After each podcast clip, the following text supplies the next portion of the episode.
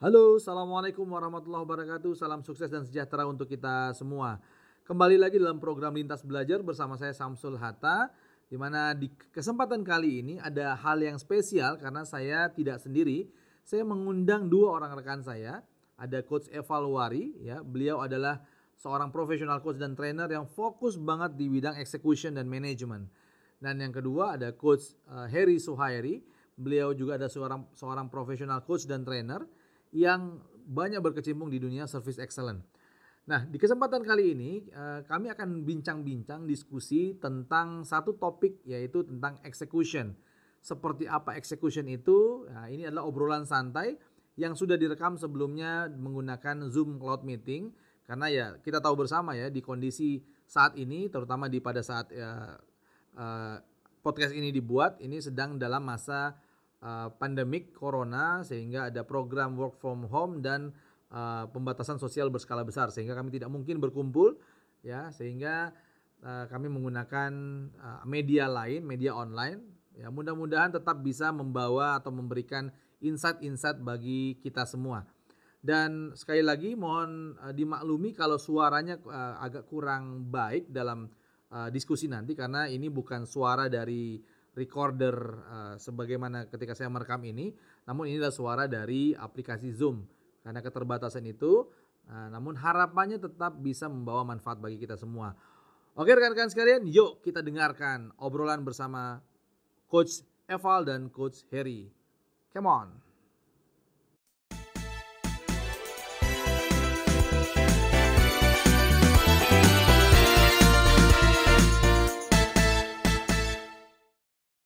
Hmm. Kan ngomongin eksekusi nih Om. Kalau kalau Om Eva hmm. tuh eksekusi itu langkahnya apa saja sih? Misalnya gini, aku mau misalnya let's say uh, bangun bisnis lah. Iya, yeah, iya. Yeah. Bangun bisnis ya, bisnis kecil-kecilan lah misalnya uh, aku ambil contoh aja lintas belajar. Ini kan kita kita kan uh, live-nya di lintas belajar nih. Iya. Yeah. Nah, uh, lintas belajar aku buat lintas belajar. Bisnis lintas belajar tuh bisnis uh, training online. Jadi training yeah. yang biasa kita offline itu ini di online yeah. kan dengan beberapa sistem atau beberapa uh, apa namanya beberapa rule hmm. yang kita buat yang kita bangun. Yeah. Nah, menurut Om Eval sendiri, hmm. uh, gambaran eksekusi itu perlu ngapain nih? Anggaplah dari nol. Iya, iya, iya. Ya, yang pertama kan dibangun dengan dengan impian dulu dong, ya kan? Goalnya apa yang dicapai? Goalnya dulu ya. Goalnya apa dulu nih? Apa yang dicapai gitu? Hmm. Hmm, hmm jadi kalau misalnya tadi bicara mengenai bisnis yang platform learning platform ya berarti apa sih yang ingin dicapai dalam satu tahun ke depan, dua tahun ke depan, sampai mungkin lima tahun ke depan. Seperti apa yang diinginkan? Apakah mungkin seperti oh. Udemy ya kan? Ya, ya, ya. Uh, yang begitu besar. Nah lalu bicara baru ke bicara mengenai uh, apa namanya masuk pada expand bisnisnya, mungkin revenue-nya berapa, hmm. revenue-nya berapa per tahun, ya kan? Nah, jadi oh, okay. punya jadi, satu. Jadi, jadi kalau bilang goal itu sebenarnya apa nih? Goal revenue-nya kah atau apanya nih kalau yang mau dibilang apa yang harus saya apa ya namanya ya? Harus aku hmm. gambarkan di depan tuh seperti apa tuh apanya? Oh. Kalau goal itu kan bisa macam-macam parameternya. Macam -macam, ada ya? orang ada orang yang menjadikan revenue sebagai suatu parameter untuk mengukur goalnya hmm. dia kan. Hmm. Atau mungkin dia nggak usah revenue deh, saya pengennya mungkin dikenal dulu sama orang lain. Jadi yang namanya oh. orang terkenal, orang kenal lah gitu, awarenessnya hmm. ada gitu. Jadi macam-macam itu namanya kan parameternya kan, parameter okay. yang akan digunakan sebagai ukurannya. Tapi kalau saya bicara tadi mengenai eh, apa namanya lihat belajar tadi yang digarap oleh Om Samsul ya berarti uh, di awal-awal barangkali ya gimana hmm. ini mm-hmm. bisa establish dulu kan gitu kan. Secara yeah, yeah, yeah. terlalu besar lah, tapi bisa establish dulu dikenal sama mm. orang lain, nanti baru bicaranya lebih luas lagi, baru bicara revenue dan seterusnya gitu. Jadi oh, saya bayang, okay. saya bayang begitu sih kalau itu ya. ya. Nah, ini ini kita masih ngomongin goal ya, Om. Tadi kan uh, ya. saya, saya panggil Om Eval ya, pemirsa. Ya. ya. nah, kalau ini sudah dekat sekali saya panggil Om Eval. Ya, kalau Anda panggilnya Coach Eval gitu. Yeah. Oke, okay, jadi uh, kita masih ngomongin goal nih kan. Nah, yeah. goal itu saya yeah. buat goal besarnya dulu baru saya turunkan jadi goal kecil. Artinya yeah. jadi per, misalnya saya buat lima tahun dulu baru saya turunkan yeah. per tahun atau yeah. saya buat langsung per tahun, per tahun, per tahun, per tahun gitu. Iya, yeah, iya. Yeah. Menurut nah, kalau kalau bicara mengenai apa namanya goal itu kan macam-macam ya. Ada goal yeah. yang panjang, long long term long goal. term, ya. Ada yang short term, ada yang uh, apa namanya yang middle kan gitu. Iya, yeah, iya, yeah, yeah. Kalau misalnya uh, jangka panjang ya pasti bisa lima tahun kan, 10 tahun gitu. Oke. Okay. Tapi kalau goalnya yang medium mungkin dua tahun. Tapi yang umumnya orang goal itu satu tahun gitu. Nah, nah maksud saya gini om. Nah. Maksudnya gini, oke okay lah kita misalnya lintas belajar lah. Lintas belajar kan dia punya goal. Kalau oke okay lah saya bikin goal tahunan. Nah, ya. menurutku menurut Om Eval mana yang lebih lebih Eh, tapi nggak tahu ya, ini ini sama atau enggak nih? Kalau apa artinya goal tahun per tahun itu kan harus yeah. laras ya? Iya betul. Betul kan? Nah, nggak mungkin yeah. goal tahun pertama satu tahun, kemudian tahun berikutnya itu goalnya berbeda sama sekali, nggak ada hubungannya kan nggak nggak untuk satu bidang yang sama ya, untuk satu hmm. misalnya lintas belajar lah ya. Hmm. Nah artinya aku perlu perlu nyusun goal besarnya dulu, baru diturunkan jadi goal-goal pencapaian per tahun. Misalnya yeah. aku aku susun yang uh, long term dulu, long term let's say lima tahun lah. Yeah. Ya, misalnya long termnya aku aku buat lima tahun. Yeah. Baru kemudian aku bikin goal per tahun atau yeah. ya susunya langsung per tahun. Kemudian tahun pertama baru mikir, oke okay, tahun kedua yang bisa selaras apalagi nih gitu. Iya. Yeah, yeah, Mana yang uh, end yeah. dulu baru baru mundur atau langsung maju terus? Iya. Yang pertama kan uh, kita lihat dulu strateginya ya. Hmm, Strategi itu ya bisa diturunkan menjadi suatu goals-nya yang sifatnya jangka hmm. panjang atau mungkin menengah atau mungkin yang sifatnya tuh short term gitu, short short, okay. short term goal gitu. Hmm. Dan kalau misalnya dikatakan lima tahun, berarti lima tahun apa sih yang yang ingin di, yang ingin dicapai oleh yeah. oleh uh, perusahaannya Ko Samsul tadi ya, hmm. apa namanya tadi belajar ya. belajar ya. Ya, jadi ini kan sama seperti halnya kalau orang itu mengangkat suatu batu besar ya, hmm. atau mungkin mengangkat gunung lah ada satu pertanyaan menarik nih. Uh, satu satu waktu saya pernah nanya ke peserta, kira-kira bisa nggak sih kita memindahkan sebuah sebuah gunung besar gitu? Gunung besar dipindah bisa nggak? Banyak mata nggak bisa, nggak bisa. Memang nggak bisa. Bisa nggak? Ya nggak ya. bisa. Bisa nggak, Hah? Ya kecuali uh, bantuan malaikat gitu. iya iya iya. Tapi kalau kita berpikir bisa, bisa nggak? Ya kalau mikirnya bisanya bisa yeah. bisa sih sebenarnya. Yeah. Ya, kalau kita ya keruk pelan-pelan gitu. Iya, berarti kan gunung besar itu kemudian kita pecah-pecah aja kan, kita pecah-pecah yeah, yeah, ya yeah, menjadi satu gunung-gunung kecil sampai dengan hmm. atau mungkin menjadi bagian-bagian kecil lah sampai jadi iya, batu yeah, kan. Iya, iya, iya. Ini kan juga sama dengan seperti itu kan. Kita punya suatu impian besar, punya goal hmm. dulu lima tahun ke depan mau ngapain. Oke. Okay. Kita pecah-pecah nih per tahunnya kan hmm. gitu. Hmm, Di tahun pertama, tahun kedua, ketiga, keempat dan seterusnya. Jadi kita harus punya satu satu apa namanya? satu goals yang jelas ya. Jelas, oke. Okay. Pertama, mungkin ukurannya eh, apa secara angka mungkin nggak terlalu besar, tapi yeah. orang lain, ya kan, orang. dan seterusnya. Ya jadi kalau saya, saya sih Om Samsul kita harus bikin dulu gol yang besar, mm-hmm, baru yeah, kita yeah, bicara yeah. mengenai gol yang lebih kecil, yang lebih kecil lah gitu. Lebih ya. kecil ya, oke. Berarti nanti, oh iya ya, karena gol kecil itu kan bisa kita tahu kalau gol besarnya juga jelas gitu ya. Iya, iya. Oke, oke. oke. Nah, oke okay, Om. Jadi yang pertama buat gol ya. Pertama yeah. gol dimulai dari gol. Next apa Om? Uh, nah, next. kalau sudah sudah sudah punya dengan goalsnya, lalu lalu kita akan melangkah kepada itu kan adalah apanya yang akan dicapai. Yeah. Sekarang how to-nya kan, how to-nya. How to-nya. cara mencapai itu semua kan gitu kan. Ini tantangannya okay. tantangannya bagaimana kita bisa melihat bahwasanya uh, kita harus bisa menerjemahkan hmm. ya, hmm, hmm, hmm. menerjemahkan goal yang besar tadi menjadi suatu tindakan-tindakan yang real gitu. Yang real, oke. Okay. Ya, yang real. Nah, ya, kalau ya, konteks ya. yang tadi di bisnisnya Om Samsul berarti ini kita anggaplah tahun pertama kita sudah mulai dikenal orang lain, kemudian juga sudah mulai establish secara sistemnya dan okay. sudah mulai meningkatkan revenue-nya, apa yang dilakukan? Nah, ini okay. kita bisa latihannya macam-macam ya. Bisa dengan latihan kita uh, melihat orang-orang yang berhasil, ya mungkin lihat Udemy, lihat juga yeah, yeah, yeah, yeah. berapa platform belajar yang bagus kan. Mm -hmm. Atau kita melakukan sesuatu hal yang uh, new and better hal-hal yang baru lah gitu. Ada ide-ide baru nggak yang bisa kita lakukan? Dan yang ketiga adalah kita bisa melakukan sesuatu hal yang uh, belum pernah kita lakukan, tapi itu ide bagus gitu. Oh, gitu. ya. Oke, jadi itu itu itu tentang how ya, tentang how-nya berarti how kita cari ya. dulu ya. Ya. Apa bisa dilakukan gitu. Nah.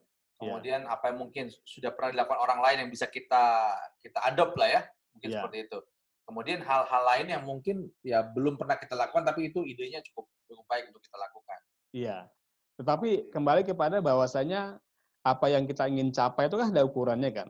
Hmm, hmm, hmm. Ya kalau kalau polanya yang sifatnya umum kan menggunakan pola smart namanya. Ya, ya, spesifik gitu ya. ya attainable, kemudian ada relevansinya dan juga ada time bound-nya. Sama juga dengan betul. dengan how to juga sama gitu. Kalau how to itu oh. bicara action kan, actionnya ya, apa sih? Actionnya apa saja ya. Ya. Ada suatu istilah yang menarik namanya Pareto, Pareto Principle. Ya. Eh, ini kan di bukunya juga ada tuh bukunya ya. karangan apa itu yang uh, 80-20. Ya, 80-20. Ya. Itu kan satu prinsip kita harus bisa menemukan activity yang sederhana saja, tapi impact-nya besar gitu. Ya kan? Impact-nya besar. Iya, iya, iya. Ya, jadi kalau misalnya tadi konteksnya lebih kepada uh, meningkatkan apa namanya penjualannya di Udemy, berarti mulailah misalnya mengirimkan uh, penawaran, penawaran ya, ya. kan apa namanya berbagai uh, brosur ya kan atau mungkin send email atau mungkin send via WA kepada customer pada prospek ya. prospek customer kan. Nah, ukurannya berapa? Minimal misalnya 20 customer per hari kirim proposalnya ya, ya. kan gitu. Jadi menemukan hal-hal yang kecil tapi dampaknya besar gitu. Nah, ah. ini kita bisa belajar dari orang-orang yang berpengalaman. Biasanya ya, kan kalau ya. marketing kan berarti memang orang yang selama ini jago di marketing ya dia tahu lah ya kan menghadapi begitu kan. Iya, iya, iya. Ya. Oke. Nah, uh, jadi untuk untuk untuk how itu ya ini kan how kan uh, lebih kepada action ya. Action ya. ya. Nah, kita cari berarti yang yang sederhana tapi dia punya impact atau dampak lebih besar gitu. Pareto, hukum ya, Pareto lah ya. Hukum Pareto, iya. Pareto ya. ya. Oke. Okay. Nah, Om Heri, ada tanggapan nggak Om Heri? Atau dari Om Heri pengalaman gimana nih? Iya, iya. Pengalaman Om Heri di berbagai industri ini kan juga sudah melalang, malang melintang di dunia dan akhirat nih kayak Om Heri. Gue kedengeran nggak nih? Kedengeran, videonya nggak kelihatan Om. Sebentar, makanya lagi ngotak-ngatik nih kok handphone gue gimana nih tadi ya, kembalinya lagi. oh iya rekan-rekan podcast kalian, ini kita pakai Zoom ya, karena kan masih WFH ya, jadi kita stay at home ya, jadi di rumah aja. Tapi walaupun di rumah kita masih bisa ngobrol-ngobrol, belajar bareng, Hmm. Ya intinya kalau punya niat jalan pasti ada ya Om Eval ya. Iya betul betul. Nah. Om Heri gimana nih Om Heri? Apa apa ya pemirsa nggak lihat juga kok. Ini kan podcast ya. nah sekarang muncul. Nah baru muncul nih. Ini kebalik nggak? Ah ini ya. Nah ini dia. Ya ya ya. Di ini ya bu. Benar ya? Living betul ya, begitu bukunya ya. Living. Ya ya. Jadi kapan dikirim ke rumahku Om? fotokopi aja fotokopi. itu Om Heri uh, ini ya, itu buku yang beli lisensinya bukan? Bukan ya? Inggris apa Indonesia, Heri? Hah? Indonesia apa Inggris? Indonesia ini prinsip Pareto untuk ah. mendapatkan hasil luar biasa yeah. tanpa iya. usaha yang luar biasa. Nah ini hmm. uh, memang kalau bisa ya kita juga melakukan sesuatu uh, hasil yang luar biasa tanpa usaha yang luar biasa itu juga bisa ya bisa ya. hmm. ya ya pakai bisa. hukum Pareto Iya, betul Pareto ya. Berarti berarti artinya untuk mencari action yang yang 20% ini, mencari action yang 20% ini ada ada tips nggak Om Heri atau Om Eval mungkin? Kan kan kita kan mungkin yeah. oke okay, pekerjaan banyak lah untuk itu hmm, gitu ya. Hmm, hmm. Harus banyak yang bisa dilakukan, tapi untuk mencari uh, yang 20 itu yang mana? Gitu. Iya. Menemukan yeah. yang 20 ini si 20 yeah, ini yeah. supaya bisa mendongkrak yang 80. Iya, yeah, iya. Yeah. Itu itu ada tips seperti apa? Kalau saya begini biasanya, yang pertama kita mencoba lakukan dulu hal-hal yang baru, ya kan, yang kita hmm. yakini itu bisa berdampak besar. Yang ya, penting ya. adalah kita meyakini betul uh, bahwa yang kita lakukan itu bisa dampaknya besar. Dia tuh bisa memberikan uh, pengaruh besar lah, nendanglah terhadap pencapaian hmm. goal kita. Nah, kalau kita misalnya kemudian melakukannya sudah disiplin, sudah konsisten hmm. melakukannya, tapi nggak nendang juga, biasanya kita lihat waktunya nih selama dua satu hari, selama tiga minggu hmm. dilakukan, tapi nggak berdampak, berarti dia bukan Pareto gitu. Oh, ukurannya 21 hari ya? Ya. Ada, artinya kita kita juga perlu menentukan time limit. Ini kita mau iya. jalankan berapa lama gitu ya? Iya. Oke, oke, oke. selama tiga minggu tapi nggak memberikan dampak, misalnya kalau tadi konteksnya ke bisnisnya Om uh, Samsul tadi misalnya, yeah. kita mau meningkatkan sales misalnya, di hmm. uh, dapetin customer yeah, yeah. itu dilakukan penawaran melalui email, uh, melalui podcast segala macam, tapi kok kayaknya kurang ya. Hmm. Bisa jadi yang yeah, pertama yeah, yeah. kualitasnya apa ah. namanya uh, kurang mungkin ya. Kalau misalnya kirim email cuma 10 mungkin kurang lah ya. Mungkin 50 yeah, yeah, yeah. ya kan gitu. Nah, ningkatin dulu kualitasnya. Yang kedua adalah betul-betul dikerjakan dengan disiplin. Nah, seandainya yeah, yeah, itu nggak yeah. berdampak juga, berarti kita salah dalam memilih Paretonya okay. berarti. Ya, ya, ya. Berarti perlu ganti. langsung ganti strategi ganti. baru ya, apa yang harus dijalankan nah, gitu ya. ya. Tapi menarik ini, saya dapat satu uh, insight baru nih. Bukan insight baru sih, maksudnya dapat satu ya insight lah. Baru juga sih.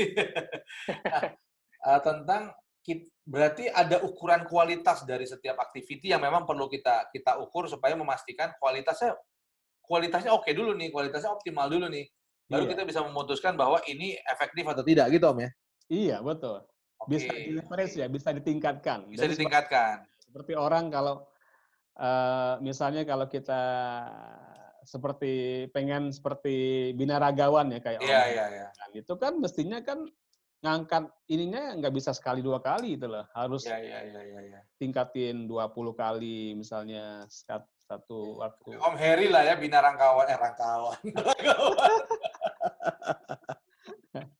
Iya. Om Heri ada ini mungkin untuk mencari 20 itu? Ada tips? Terus mau nanya ini. Mana bukunya di, di, di bukunya sharing dong bukunya. Om Heri. Itu mau nanya kayak Om Eval nih. Itu kan uh. action tadi kan yang 20 itu. Uh. Uh, kan bisa 21 hari berdampak yeah. atau enggak. Yeah. Nah, itu action itu satu-satu atau kita misalnya punya action ada yeah. 10 ya lakukan yeah. 10 gitu loh. Kita tunggu 20 yeah, hari yeah, yeah. eh 21 yeah, yeah. hari. Yeah, nah, gimana tuh? Nah, ini ini sama juga dengan tadi uh, tentang goals ya. Ini ada suatu best practice di dunia bisnis ya. Ini risetnya ah. memang cukup panjang juga. Ternyata yeah, yeah. kalau orang-orang itu memiliki goal yang begitu banyak ya. Goalnya ada 10, 20 kan gitu kan. Orang kan bisa bangga kan. Orang bangga mengatakan, wah saya tuh yeah, yeah, yeah. I'm multitasking manager. Pokoknya semua goal kasih kasih semua deh kan gitu kan. Nah sebenarnya ketika seorang manajer dia mengatakan dia punya 10 goal pada waktu bersamaan, sebenarnya dia nggak tahu mana yang paling penting. Tuh. Paling penting, ya, ya. ya, ya, Sehingga kesempatan atau peluangnya untuk bisa mencapainya hmm. dan excellent itu makin berkurang. Nah, okay. kalau goalnya disempitin lagi menjadi ya mungkin menjadi lima, jadi enam, itu goalnya makin lama makin bagus fokusnya. Kesempatan dia makin tajam lah ya uh, tajam. fokusnya ya, ya, ya. Ya, peluang dia untuk bisa mencapainya dengan excellent itu bisa setengahnya. Tetapi okay. kalau goalnya dia fokuskan, ya goalnya maksimal tiga deh gitu. Nah, maka dia harus bisa memilih di antara semua gol itu mana yang paling-paling berdampak kepada kehidupannya dia.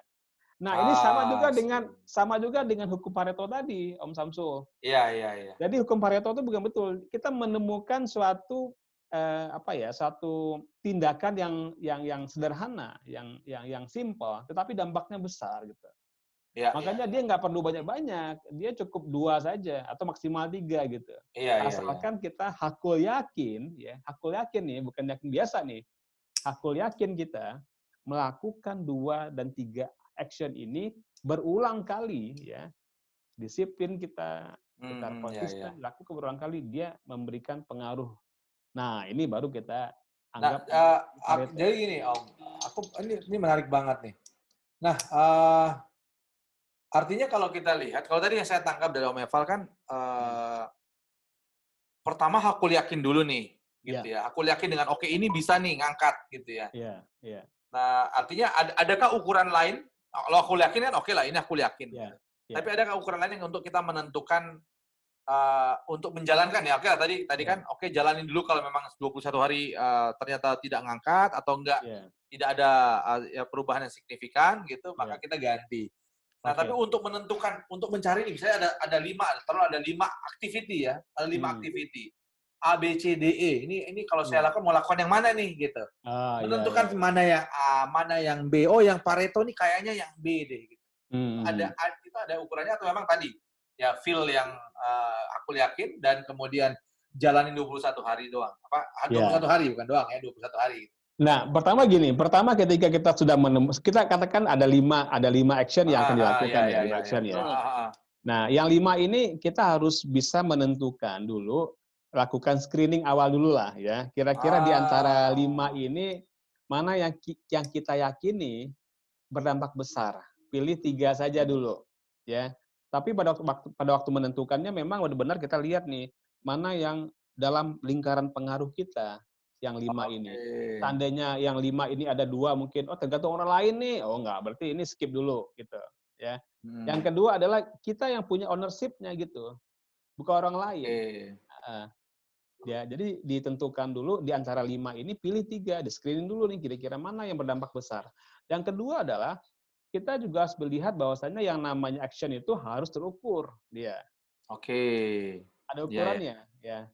Misalnya kalau tadi bicara sales tadi adalah berapa kali kita mau melakukan penawaran kepada customer kita. Customer, oke. Okay. Ya, ada ukurannya. Katakanlah best practice dikatakan bahwasanya ya. uh, satu minggu itu harusnya dapat 100 lah. Ya, katakan sehari 20 customer hmm. kita send ya, ya penawaran. Ya, ya, ya. Berarti seminggu berapa? Lima hari berarti kan 100 kan? Nah itu, 100 ya. Nah, kita lakukan nggak semua itu selama seminggu ini? Penawaran ke customer, ada 100 email, 100 uh, eh, apa uh, eh, WA dan sebagainya gitu. Nah, kemudian kalau kita melakukannya dengan konsisten, hmm, iya, berkualitas, ya, ya tapi nggak nendang juga, hmm. nah, berarti wah kayaknya kurang nih, bukan 100 kayaknya nih gitu loh. Naikin oh, lagi. Naikin lagi ya.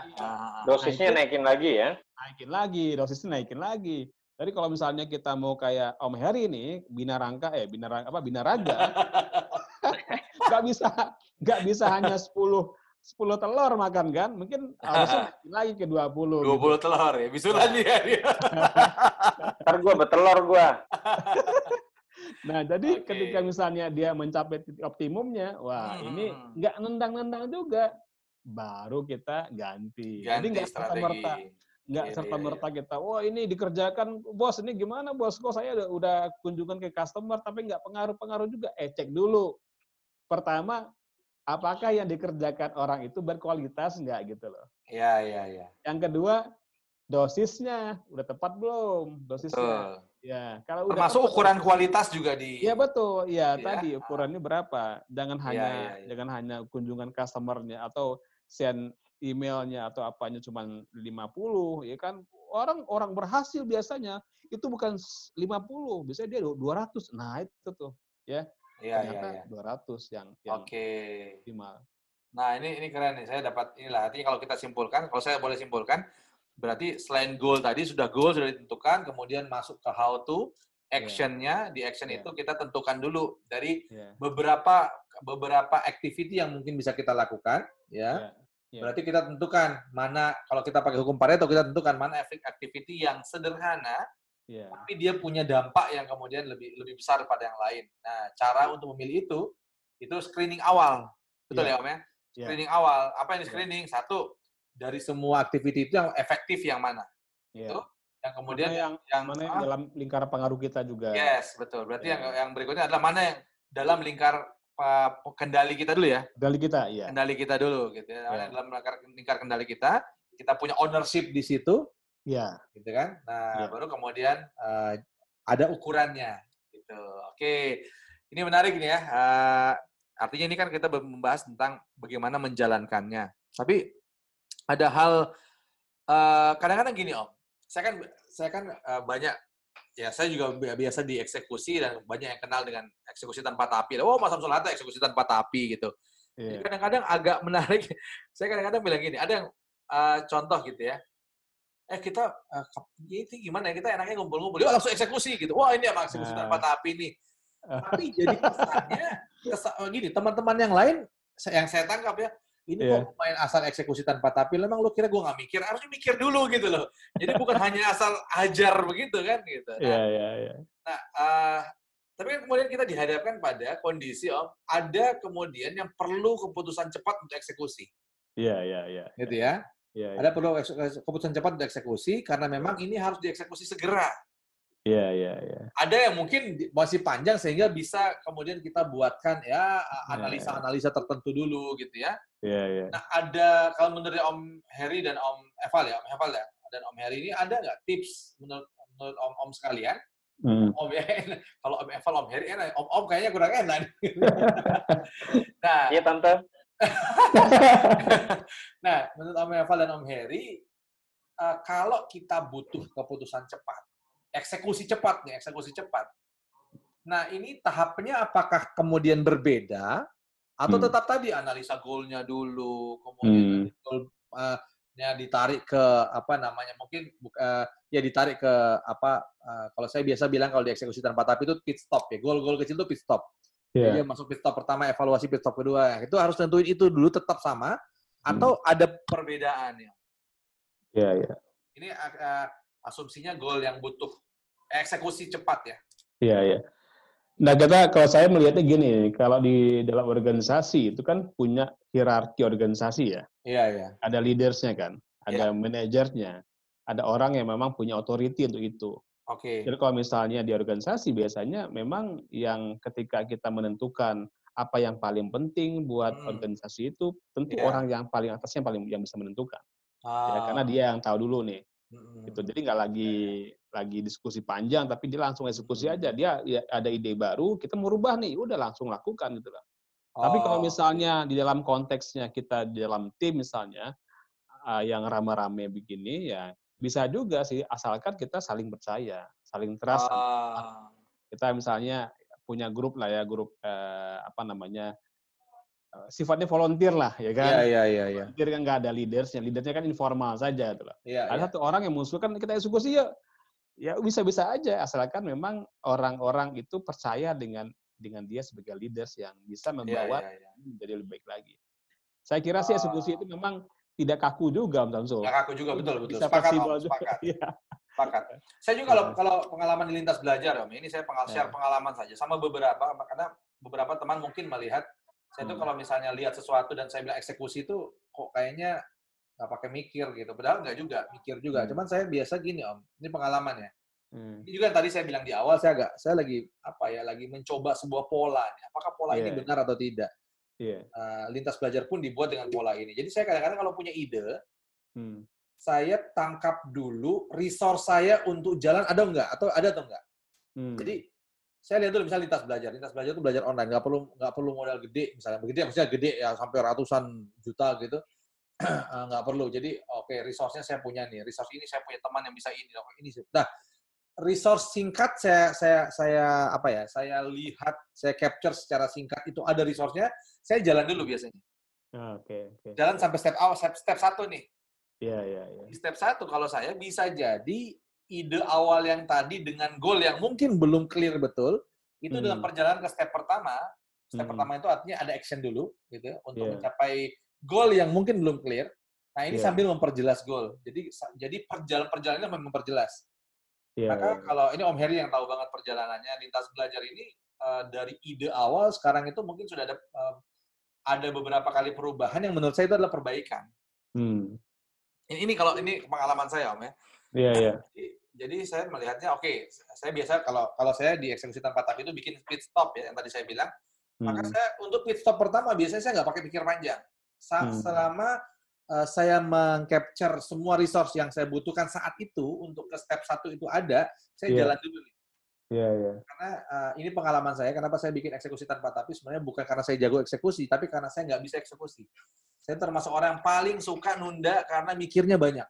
Yeah. Jadi berarti ini, baca, harus baca buku The The Procrastinator. Procrastination ya, ya. Punya om saya buku itu. Jadi uh, ini pengalaman kan belum kita jadi. bahas itu. Itu nanti kita akan bahas ya. Iya, bahas juga. Itu bagus benar oh, itu. Bahas kita juga. bahas. Nanti kita uh, ini aja. Nanti kita bahas lagi di podcast ya. Nah, jadi uh, kalau saya pengalaman saya seperti itu, nanti minta tanggapan sama Eva dulu ya. Tapi ini hanya untuk ke step satu, Om.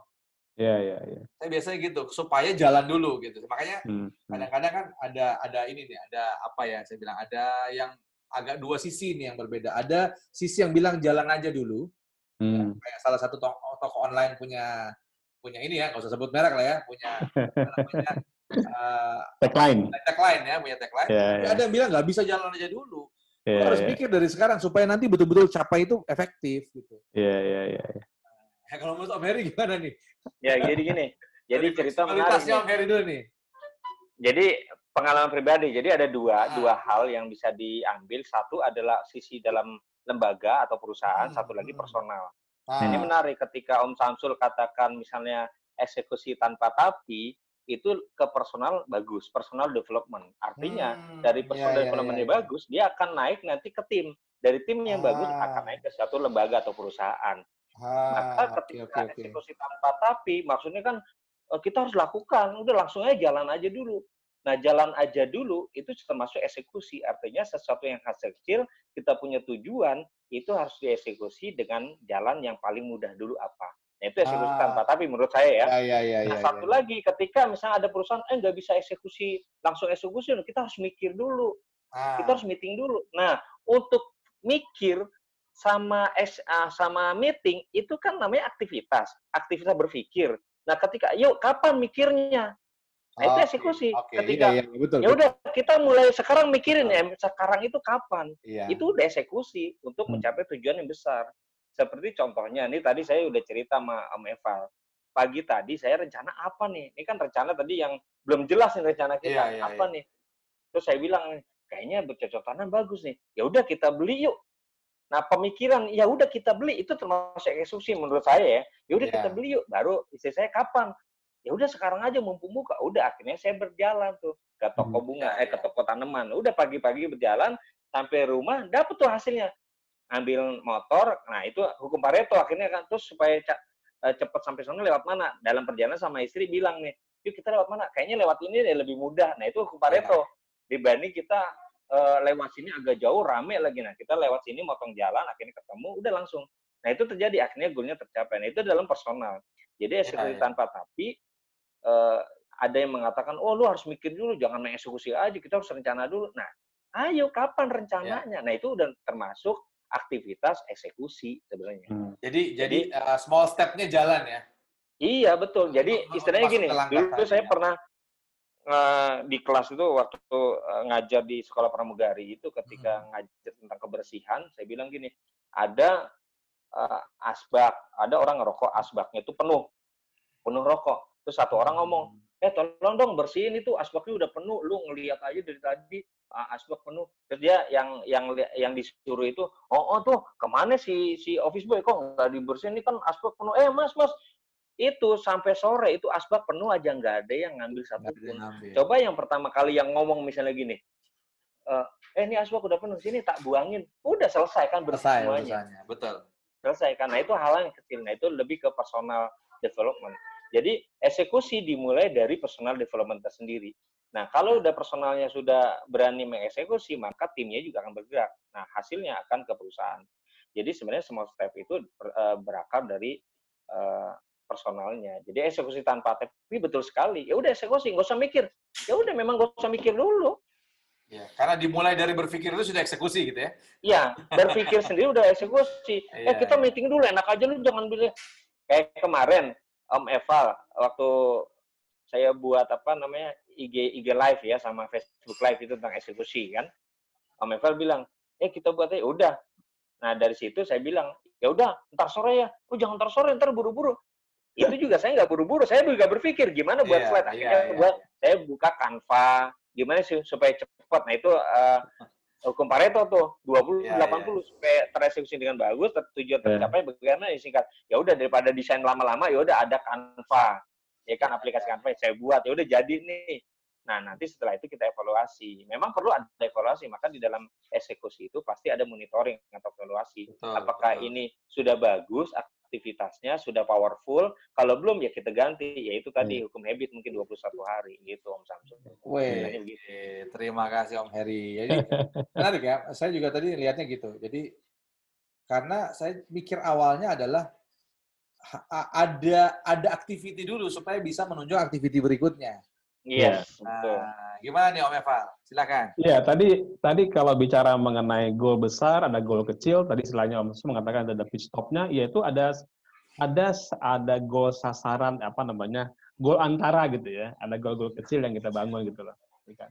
Jadi saya tadi juga juga setuju tadi mengenai uh, istilah bahwa kita sebetulnya mikir juga sebetulnya merupakan sebuah eksekusi. eksekusi Karena memang ya, ketika ya. melakukan sesuatu hal kan mulai dari pikiran dulu dong, ya kan? Ya. Pikiran, kemudian baru tindakan, ya kan? Tindakan baru hasil kan gitu.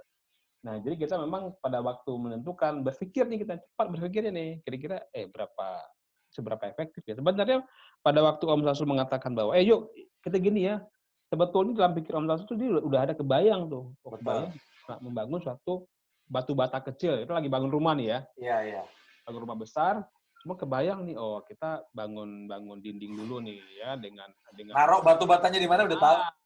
Oh, batu bata dulu nih semua semua step yang kemudian bisa mempengaruhi besar gitu. Jadi yeah, yeah, yeah. itu memang uh, saya kira dimulai dari pikiran kita dulu gitu. Kita okay. punya pikiran apa, langsung lakukan. Cuman memang gini, kadang-kadang uh, apa ya, kalau kita misalnya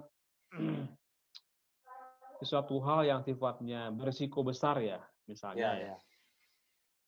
Katakanlah ekstrimnya lah, ekstrimnya lah. Pokoknya pada waktu misalnya uh, kita nih orang baru, lalu ada orang menawarkan, eh ini ada ini loh, ada alat baru, alat bagus untuk investasi ah. misalnya. Anda beli alat ini, beli alat ini, robotik ini, Anda bisa main saham segala macam misalnya. Ya, ya, ya, ya. lagi semangat nih kan, oh langsung eksekusi kan gitu kan, nggak mikir-mikir ya, dulu, ya, ya. langsung beli saham, beli apa segala macam. Eh kita rugi, ya. Itu kenapa? Karena emang tadi nggak mikir dulu tuh loh. Nggak mikir betul betul. Ya berarti kita juga jangan jadi orang yang blind blind apa ya blind spot juga kan gitu kan. Iya, iya, iya. Misalnya melakukan sebuah tindakan tentu kita juga punya pertimbangan-pertimbangan gitu. Oke oke. Ya. Sip, thank you Om Eval. Jadi kalau saya uh, ambil simpulan adalah tetap kita jalankan small step ya. Kalau tadi yang ya. bahasa saya di awal adalah jalankan sampai ke step pertama. Yeah. Itu lebih kepada yang penting jalan dulu, ada eksekusinya, ada hal yang kita ada ada activity yang kita jalankan Yeah. Iya. Uh, sembari ke situ kita sembari melihat melengkapi ya mungkin kalau saya mungkin melengkapi referensi-referensi untuk kemudian sampai ke gol gol berikutnya gitu ya gol besarnya gitu. Gol besarnya. Itu kali ya. Jadi uh, tapi ini ini ini menarik banget ya karena menurut saya uh, banyak atau beberapa orang lah saya mungkin tidak menjelaskan banyak tapi beberapa orang yang yang kemudian tidak jalan eksekusinya karena dia tidak melakukan small step-nya. Uh, yeah. Niat doang gitu ya. Niat, doang. Walaupun dapat pahala satu kalau baik Om ya. Istilahnya omdo ya, omong doang. Omdo, omong doang ya. Oh pengen gini gini, pengen gini. Tapi eh. omdo doang, omong doang gitu. Jadi eh. nah, dia tidak melaksanakan walaupun oke okay, mikir tapi mikirnya itu bukan mikir produktif untuk jalannya, tapi hanya iya. kepada yeah. membayangkan terus eh, goalnya tanpa dia melakukan sesuatu mungkin small step untuk untuk jalan ya. Nah, kalau di NLP sendiri, uh, saya kan belajar mempelajari NLP, jadi ternyata uh, ketika kita jalan di small step tadi, small step sebenarnya kan kita melakukan aktivitas. Yeah. Aktivitas artinya bisa jadi secara fisiologis, hmm. pikiran dan fisiologis kita itu akan mendorong si perasaan kita untuk untuk terus uh, bersemangat atau untuk termotivasi melakukan next step-nya. Yeah. Berbeda ketika kita tidak melakukannya, hanya hanya kemudian niat doang, yeah. ngomong doang kayak tadi Om uh, Eval bilang omdo gitu, ya, omong doang, itu kita tidak tidak ada dorongan untuk uh, feel kita connect dengan apa yang perlu kita hmm. lakukan. Hmm. Nah, jadi sebenarnya kalau kita oke okay, jalanin dulu misalnya oke okay, tadi Om Heri bilang mikirin dulu, mikir bukan hanya mikir menghayal ya, tapi kemudian mikir uh, mungkin uh, lebih kepada oke okay, ini gimana resource saya apa gitu apa saja yang bisa saya ini nih yang bisa saya kumpulkan gitu ya. Yeah. Itu, oh. Proses itu kemudian membuat motivasinya muncul. Hmm. Ternyata kalau ini kalau kita lihat di NLP ini saya saya hubungkan ya. Nah, ketika activity itu berupa fisiologis, fisiologis juga kemudian dia mempengaruhi uh, perasaan kan, mempengaruhi emosi. Jadi motivasinya meningkat untuk kemudian naik lagi ke level berikutnya, naik lagi ke level berikutnya, naik ke step berikutnya, ke step berikutnya. Jadi uh, saya sendiri pengalaman membangun apa namanya uh, lintas belajar ini saya juga sambil belajar sebenarnya. Om Heri tahu persis lah, ikuti dari awal. Lintas belajar ini saya juga sambil belajar karena lagi dalam tanda kutip, memaksa dalam tanda kutip hmm. diri saya untuk action dulu deh, pokoknya action dulu deh. Hajar, hajarnya tapi hajar terukur ya hajar dulu gitu. Bukan hajar bleh ya? Bukan hajar bleh gitu. Oke, ya jadi kita sudah bahas dua nih Om, goal sama action. Mungkin nanti yang berikut-berikutnya kita buat sesi lain. Nah, biar yeah, yeah. penasaran nih rekan-rekan yang mendengarkan di podcast ini. Tapi seru banget. Yeah. Uh, Om Heri, Om Eval, thank you nih sudah ngobrol-ngobrol bareng kita. Uh, saya yakin juga uh, teman-teman yang mendengarkan podcast ini juga uh, ada insight yang didapatkan ya. Saya juga tadi beberapa insight saya dapatkan banyak malah gitu ya. Walaupun ini obrolan santai di tengah WFH ya yeah. puasa mempersiapkan berbuka di tempat masing-masing. Iya. Kita ngabuburit bareng ya, barengnya tapi yeah. di iya. di udara. Gitu. Jadi Om Samsul. Yes. Ini uh, saya bacain Living the 80 and 20 way ya. Ah, iya, iya, nah, ini nih, ini kita ada, nih. Ada tiga hal nih, cara uh, 80-20 untuk fokus dan peningkatan diri. Ada tiga okay. hal. Yang pertama langkahnya, yeah. tadi betul kata Om Eval, yeah. fokus pada tujuan. Jadi fokus okay. pada tujuan Anda, Anda ingin berada di mana.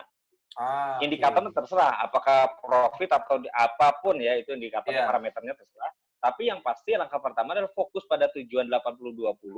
Anda ingin berada di mana? Di mana okay. ingin, Anda ingin berada? Hmm. Yang kedua, nah kalau udah ada tujuannya berarti kan ada rute. Nah, temukan rutenya. Hmm. Kalau dalam okay. peta itu temukan rutenya, rute 80-20, jalan yang termudah untuk mencapai tujuan Anda. Yeah, yeah. Oke. Okay. Nah, yang terakhir, itu langkah ketiga. Setelah itu lakukan tindakan yeah. 80-20. Jadi lakukan tindakannya. Tadi temukan rute yang termudah, sekarang melakukan tindakan 80-20, langkah kunci yang pertama apa kira-kira. Jadi kalau oh. analoginya itu, jadi tiga hal itu sebenarnya nanti bisa jurang. Nah analoginya adalah, saya hmm. pernah baca uh, bukunya Joy Corner apa ya tentang uh, The Simpleology, The Power of Focus.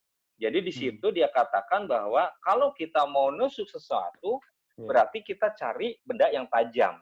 Maka hmm. di dalam pisau, pisau itu kalau kita misalkan uh, mau motong, pasti nggak pakai ujungnya, ujungnya tajam kan, ya kan? Ya, ya. Ketika kita mau uh, mau slice atau mau motong buah, kan nggak mungkin dibaliknya, artinya di apa? Di yang tumpulnya, uh, di tumpulnya. Punggungnya. Nah, ya, kenapa ya. di di di ujungnya itu di apa? Di bawahnya, di bawah punggung? Hmm. Karena itu dia makin tajam dia. Ya. ya.